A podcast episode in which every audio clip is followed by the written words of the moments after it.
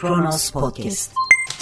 Ülkenin ana muhalefet partisi liderine atılan yumruğun alenen tehdit mektubunun hesabının sorulmadığı fakat iktidar partisi liderine getirilen eleştirinin kendisinin Cumhurbaşkanı kimliği öne sürülerek soruşturma sebebi yapılabildiği ülke Türkiye. 1 Aralık 2020 Salı tarihli yorum seçkisiyle Kronos Podcast yayınından merhaba. Postayla başlıyoruz. Radikallerin sevmediği isim Kılıçdaroğlu diyor Oral Çalışlar. CHP Genel Başkanı Kılıçdaroğlu sakin ve Türkiye koşullarına göre ılımlı bir siyasetçi. Son dönemde uğradığı ağır saldırılara rağmen toplumsal sükuneti korumayı, bir iç çatışmadan uzak durmayı tercih ediyor. Alaaddin Çakıcı tarafından tehdit ve hakarete uğramadan önce Çubuk'ta bir şehit cenazesinde hayati tehlike içeren bir saldırıya uğramıştı. Bir keresinde de Artvin civarında PKK suikastını kıl payı atlatmıştı. Muhalefet liderlerinin ölümcül saldırılara uğraması otoriter rejimlerde sıkça rastlanan bir durum. Türkiye'de bu tür tezgahlarda derin devlet diye tanımlanan darbeci militarist klikler rol oynar. Darbe ortamı hazırlamaya yönelik komplolar yakın tarihimizin önemli bir boyutunu oluşturur. Son yıllarda iç ve dış siyasetimiz agresifleşti ve daha fazla gerilim hattında gelişti. BK söylemi bu gerilimin ana simgesi olarak siyasetin yönünü belirledi. Kılıçdaroğlu bu tabloya direniyor. Muhalefetin meşru zeminde yürütmeye, partisini bir iç çatışmaya neden olabilecek sokak gösterilerinden uzak tutmaya gayret ediyor. Türkiye gerilimle uzlaşma arasında salınan bir ülke. İktidarın radikal kanadı da, muhalefetin radikal kanadı da gerilimi seviyor. İktidar içinde güvenlik eksenli siyasetin egemen olması, çatışma ortamının alevlenmesiyle paralel yürüyor. Bu yüzden iktidarın radikal kanadının hedefinde Kılıçdaroğlu var. Onu kavgaya davet davet etmeye, sokağa çekmeye gayret ediyorlar. Muhalefet içinde de sertlik yanlısı olanlar var. Onlar da Kılıçdaroğlu'nun pasif bir siyaset izlediğini, kitleleri harekete geçiremediğini söylüyor. Seçmenin dörtte birinin iktidarın yanlışlarına rağmen çekimselliğini korumasının bundan kaynaklandığını savunuyorlar. Seçime iki buçuk yıl var. Toplum bu süre içinde kararını şekillendirecek. Tamam veya devam diyecek. Kararsız diye tanımlanan seçmen tercihini belirleyip ülkeyi kimin yönetmesi gerektiğine karar verecek. Kılıçdaroğlu içeride ve dışarıda sükuneti korumayı, muhalefete ortak bir zeminde birleştirmeyi, yeni bir parlamenter rejime esas alan anayasa temelinde toplumsal uzlaşmayı savunuyor. Sertlik yanlılarının kutuplaşma istediğini görüyoruz. Kavga kopsun ki demokratik arayışlar unutulsun. Kavga kopsun ki hukuk değil otorite konuşsun. Kavga kopsun ki adalet, eşitlik talepleri unutulsun. Temel ihtiyacımız normalleşme. İç ve dış ilişkilerin normalleşmesi, iktidar muhalefet ilişkisinin normalleşmesi. Hedefimiz hukuk devleti olmalı. Demokratik ilkelerin hayata geçirilmesi olmalı. Oral Çalışlar'ın yazısıydı. Postadan sonra karardayız. Yargıdaki çifte standarda dikkat çekiyor Akif Beki. Muhalefete haşin, iktidara anlayışlı hukuk. Sevda Noyan bir yayında komşularını fişlediğini ve öldürülecekler listesi yaptığını dışa vurmuştu. Bu akıl almaz pervasızlığa karşı radyo ve televizyon üst kurulu ve savcılığı yerinden kımıldatmak epey zaman almıştı. Oysa CHP milletvekili Ali Mahir Başarır bir yayında tank palet fabrikasının Katar ortaklığına devrini kastederek devletin ordusu Katar'a satıldı deyince yer yerinden oynadı. Başarır aynı yayında kendisini yanlış ifade ettiğini belirterek o sözleri geri aldığı halde hafta sonudur, tatil günüdür demeden retük inceleme başlattı. Savcılık soruşturma açtı. Cumhurbaşkanlığı, AK Parti ve Milli Savunma Bakanlığı hesap sorulacağı açıklamalarıyla tepki gösterdi. Noyan'la ilgili utanma belasına yasak savma kabiliğinden başlatılan dava zamana yayılmıştı. Fakat geçmiş örnekler gösteriyor ki CHP'li başarırla ilgili soruşturma göstermelik kalmayacak. Yargının muhalefete ve iktidar taraftarlarına ayrı standartlar uygulamasının ilk ve tek örneği de değil bunlar muhalefet iktidara ağır laf ettiğinde hakaret suçu içerdiğini hükmediliyor, iktidar benzer ifadeleri muhalefete karşı kullandığında ise eleştiri hakkı ve ifade özgürlüğü. Devlete karşı insanı kutsamayı vaat etmişlerdi ama geldikleri noktada artık bireye karşı devleti ve kurumlarını kutsuyorlar. Devleti yaşatmak için insanı feda etmenin gerekliliğine dair vaazlar veriyorlar. İmamoğlu'nun Kanal İstanbul'a karşı çıktığı afişler bile devlet projesine karşı çıkıyor diye soruşturma geçiriyor. AK Parti'nin seçim projesine karşı çıkmak devlete karşı çıkma muamelesi görüyor. Devleti geçici bir dönem yönetmek için seçilen iktidar kendisini devletle bir tutuyor artık. İktidara laf ettiğinizde devlete laf etmiş oluyorsunuz. Eleştirilemez, sorgulanamaz devlet anlayışını bitirmişlerdi güya. Fakat iktidarın eleştirilemeyeceği, sorgulanamayacağı bir düzene getirdiler ülkeyi. AK Parti'nin kendisini inkarı olmuyor mu? Neredesin ey basiret? Ana muhalefet lideri Ankara Çubuk'ta linç girişimine uğramıştı. Failler ortadaydı. Olay yerindeki Savunma Bakanı Akar'la Emniyet Genel Müdürü Uzunkaya, Kılıçdaroğlu'nun ölümden döndüğünü sağ çıkarmak için çırpındıklarını söylemişti. Yani canını zor kurtarmıştı.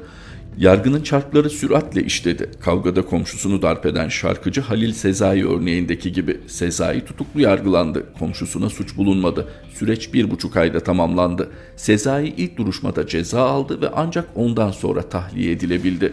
Kılıçdaroğlu'na yumruk atan saldırgan Osman Sarıgün de gözaltına alındı ama tutuksuz yargılama esas olduğu için alınmasıyla bırakılması bir oldu.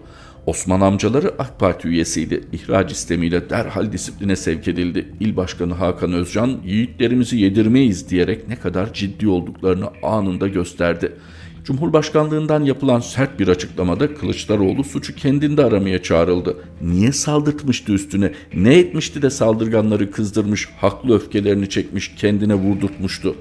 Provokasyona gelenler masumdu, toz kondurulmuyordu. Provokasyona getirmenin sorumluluğu da saldırının hedefi ve mağduru Kılıçdaroğlu'na yıkılıyordu. İktidar hukuktan yana net tavır almıştı anlayacağınız. İşte bu ortamda ilk duruşma büyük bir hızla tam 20 ay sonra dün yapıldı. Ne skandalı, yaşasın adalet.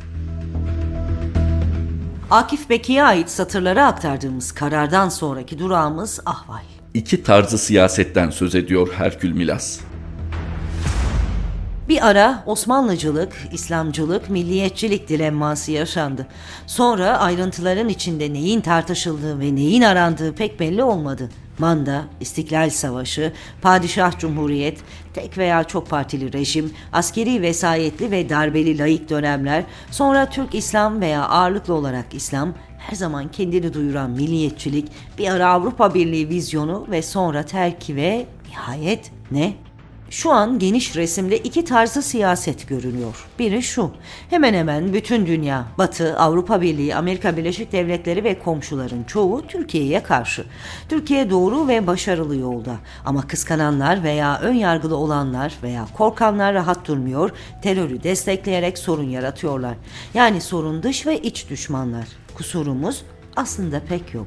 Yanlışlar yapılıyor olabilir ama büyük resimde sorunu yaratan ve sorumlu olan güçler belli.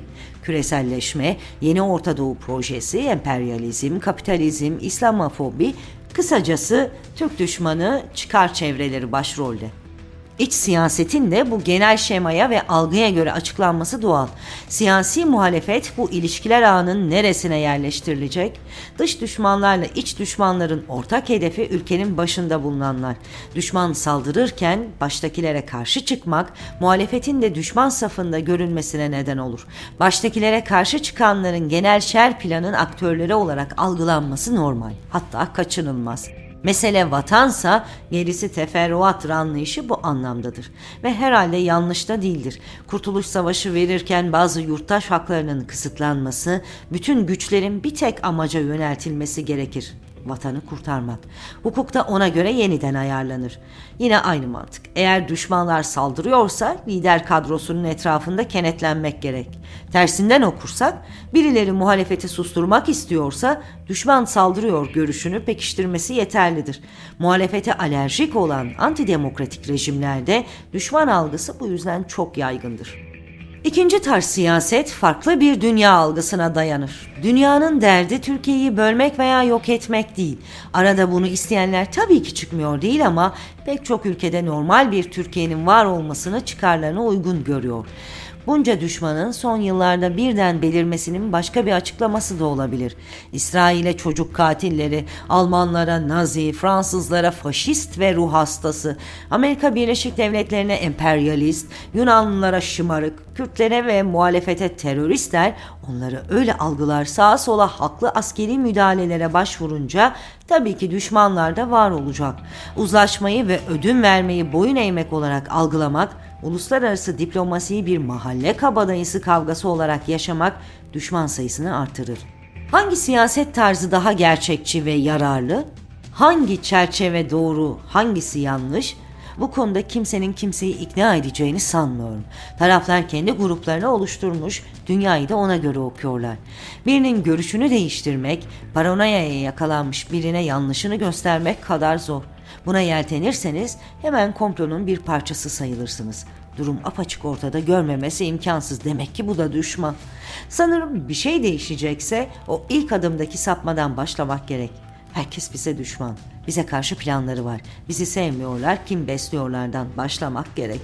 Bu düşman algısına kendi kendini kanıtlayan kehanet derler. Düşman görenler ona göre davranır, karşı tarafta tepki doğar ve sonunda etraf gerçekten düşmanlarla dolar. Sonra da düşman olduklarını biz başından söylemiştik zaten diye kahin kesilirler. Son zamanlarda Türkiye'nin coğrafyasında bulunan bazı ülkeler silahlanmaya hız verdi. Bunlar bir süre önce Türkiye tarafından düşman ilan edilmişti sürekli bir güç söylemini kullanarak. Düşmanlar silahlanmalarını tamamlayınca Türkiye rahatlıkla düşman öngörüsünün ne kadar isabetli olduğunu ilan edecek.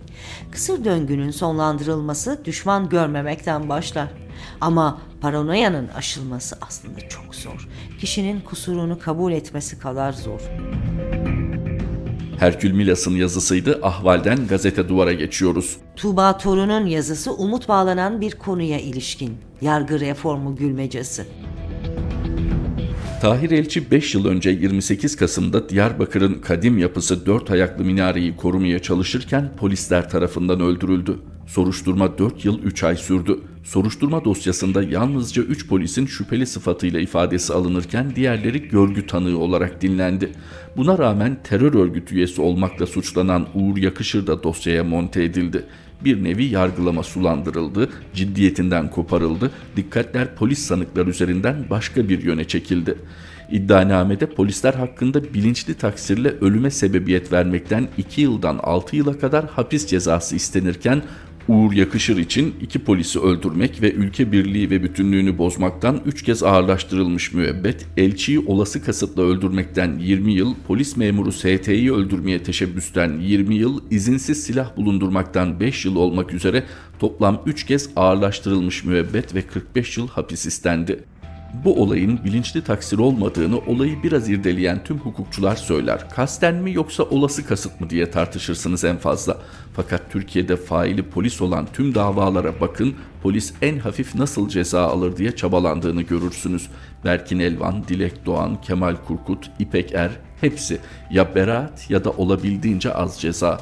Ama muhakkak yargılamayı sürüncemede bırakma, cinayetin üzerinden yıllar geçmesi, unutturulma çabası ve makul sürede yargılama ilkesinin üzerinde tepinilmesi. Anma töreni gerçekleştiriyor avukatlar, ailesi ve sevenleri. Açık çağrı da yapılmamış pandemi şartlarından dolayı. Bir şekilde haberi olan, gelebilen gelmiş.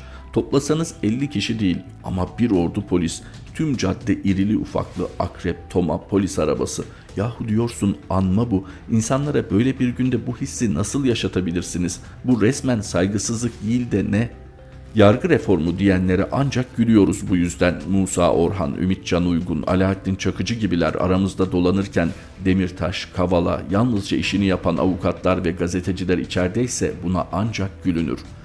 18 yıldır ülkenin yargısını kendine bağlamak için anayasa değiştirenler, bağımsız cumhurbaşkanlığı makamını dahi kendi uhdesine geçirenler, oturdukları siyasi koltuktan bu ülkenin yüksek mahkemesine ayar verenler, yargı bağımsızlığı dediğinde bizler adalete, eşitliğe, özgürlüğe, hukuka ve demokrasiye inananlar ancak ve ancak güleriz.'' Bu ülkenin göz boyamadan ibaret uyduruk bir yargı reformuna ihtiyacı yok. Bu ülkenin baştan aşağı bir reforma ihtiyacı var. Bunu hepimiz çoktandır görüyoruz. Siyasi ahlak sahipleri de görse oturdukları yerden çoktan kalkmayı bilirlerdi. Madem öyle en yakın vakitte halk demokratik haklarını kullanarak yapacaktır bunu. Her geçen gün daha çok inanıyoruz. Gazete Duvar'dan aktardığımız Tuğba Torun imzalı satırlar bu birlikteliğimizdeki son paylaşımımızdı. Gülden Gül Batı Bayşahin ve Mehmet Şahin yeni yorum seçkim ve Mehmet Şahin yeni yorum seçkimizde Kronos Podcast yayınında tekrar buluşmak üzere. Hoşçakalın. Kronos Podcast